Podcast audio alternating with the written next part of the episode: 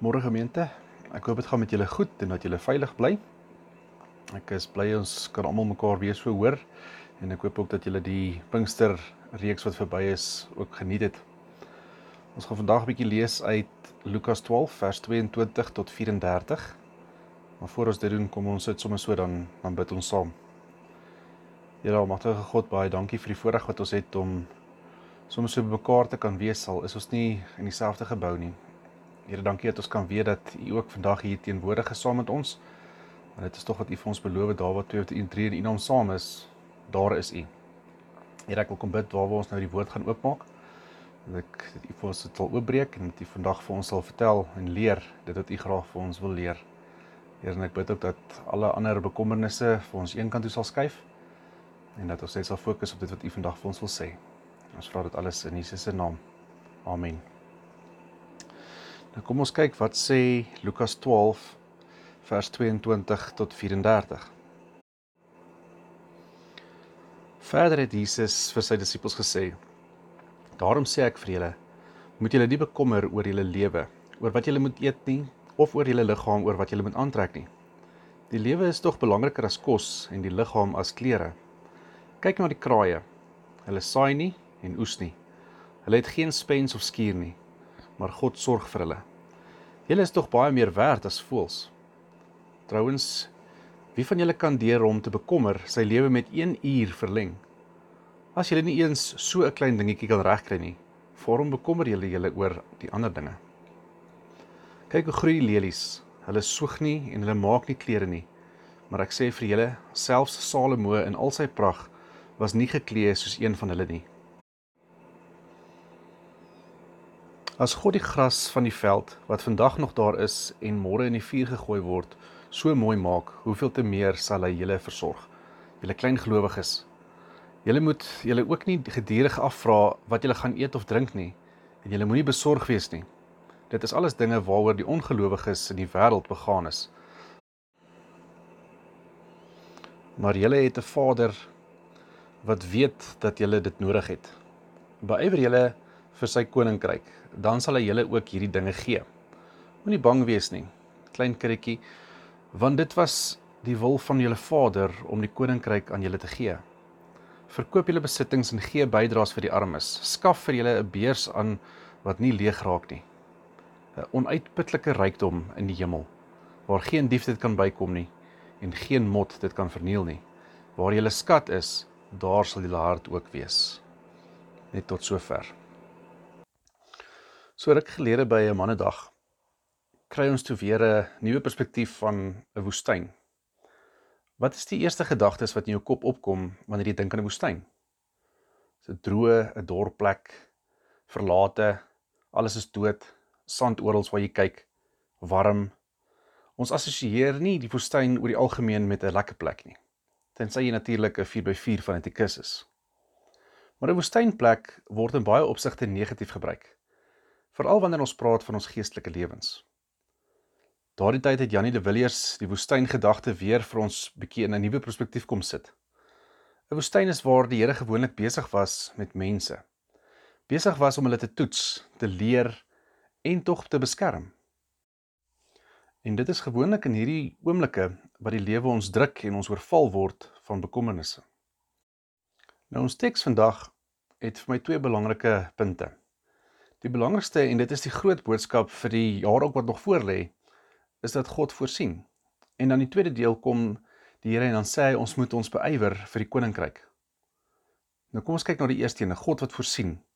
Die woestyntyd, ehm um, tydperk in ons lewens leer ons dit ook. Nou die woestyn is gewoonlik 'n plek waar mens jouself bevind wanneer die Here besig is om jou te te vorm. Dis 'n plek waar ons geestelik groei. En is gewoonlik ook nie 'n baie lekker ervaring nie. Dit voel soms of ons die Here nie kan hoor nie. Ons ervaar soms die Here as ver, asof hy ons nie hoor nie. Bruce Wilkinson het 'n boek geskryf, Dream Giver, waar die hoofkarakter ook 'n lang tyd sukkel in die woestyn.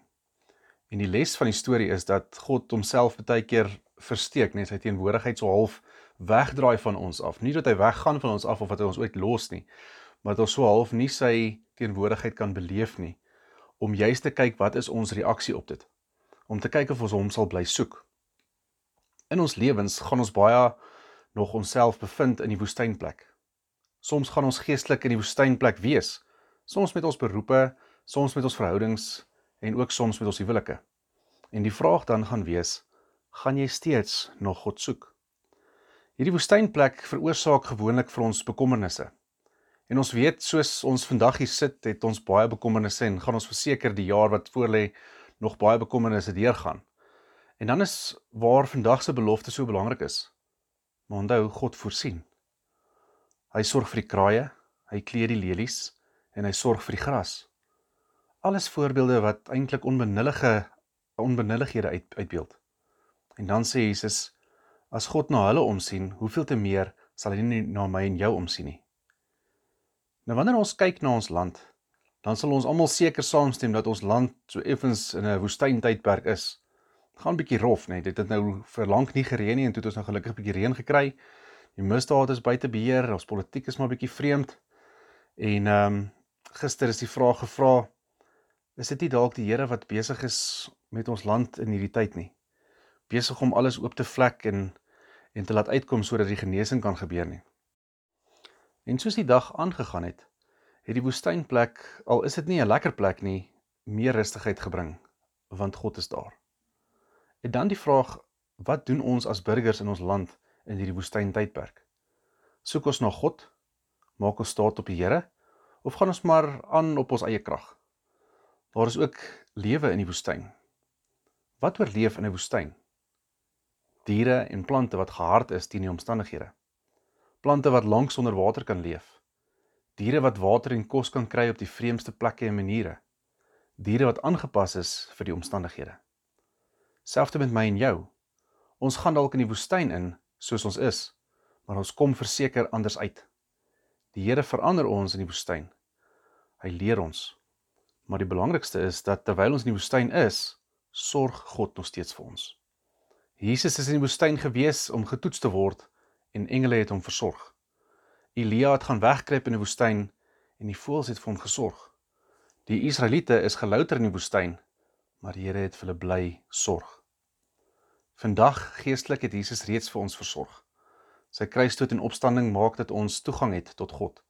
Dat daar niks meer in die pad van ons verhouding met die Here kan wees nie. Nou die tweede deel wat vir my uitgestaan het in hierdie teks was beywer julle vir die koninkryk. Dit is waar jy as gelowige jou deel gaan doen om die koninkryk te bevorder. Gaan mense God in jou sien die jaar? Gaan jy Jesus met mense deel soos jy te doen kry met hulle? Die goeie nuus is dat jy dit nie alleen hoef te doen nie, maar dat jy deel is van 'n gemeente en 'n geloofsgemeenskap saam met wie jy dit kan doen. Ons hoef nie ons bekommernisse alleen te dra nie. Ons het mekaar. En ons het mekaar nodig om vas te kan staan op die Here se beloftes. Dis altyd goed wanneer ons sukkel of dit moeilik gaan dat 'n medegelowige jou kan herinner, maar God voorsien. Onthou jy behoort. Ek wil vir julle 'n gelykenis vertel wat in Oostenryk gebeur het so 400 jaar gelede. Daar was 'n koning wat in 'n pragtige paleis gewoon het. Omdat sy onderdane so lojaal aan hom was, wou hy graag aan hulle iets nalaat. Uiteindelik het hy besluit om vir hulle om hulle vervalle kerkgebou met 'n nuwe kerkgebou te vervang. Hy het terselfdertyd teenoor ander mense getuig dat dit darem 'n slegte beeld van sy kristendom skep dat hy in so 'n pragtige plek woon, maar waar die gelowiges bymekaar kom om die hemelse koning te aanbid, lyk dit so vervalle. Die eindproduk was 'n pragtige klipkerk Die houtsneewerk aan die binnekant is met allerlei Christelike simbole versier. Die brandglasvensters het die hele verhaal van Jesus vertel. Die reuse kerktoring het soos 'n vinger vir almal na God gewys. Dit was vir ware voorreg om in so 'n pragtige kerk te aanbid. Daar het 'n mens regtig naby aan God gevoel en hom as werklik ervaar.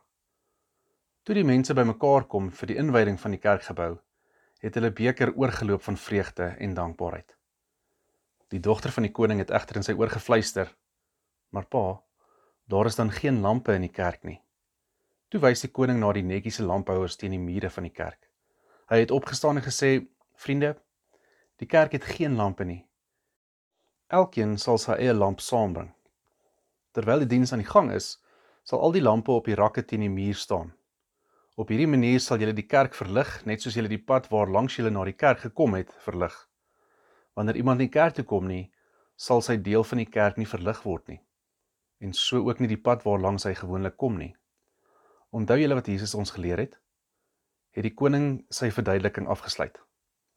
Julle is die lig vir die wêreld. En so het dit gekom dat hierdie kerk in die volksmond bekend gestaan het as die kerk van die lampe. Mag ons gemeente 'n lig in hierdie woestyntyd wees vir die mense in ons dorp, maar ook in ons land, sodat almal kan sien dat ons kinders van die Here is. Mag ons hierdie liefde van God gaan uitleef daar buite en veral in hierdie tyd waar ons nie by mekaar mag wees nie, dat mense nog steeds sal sien maar ons as 'n gemeente gee vir mekaar om en leef ook Jesus se liefde uit. Amen.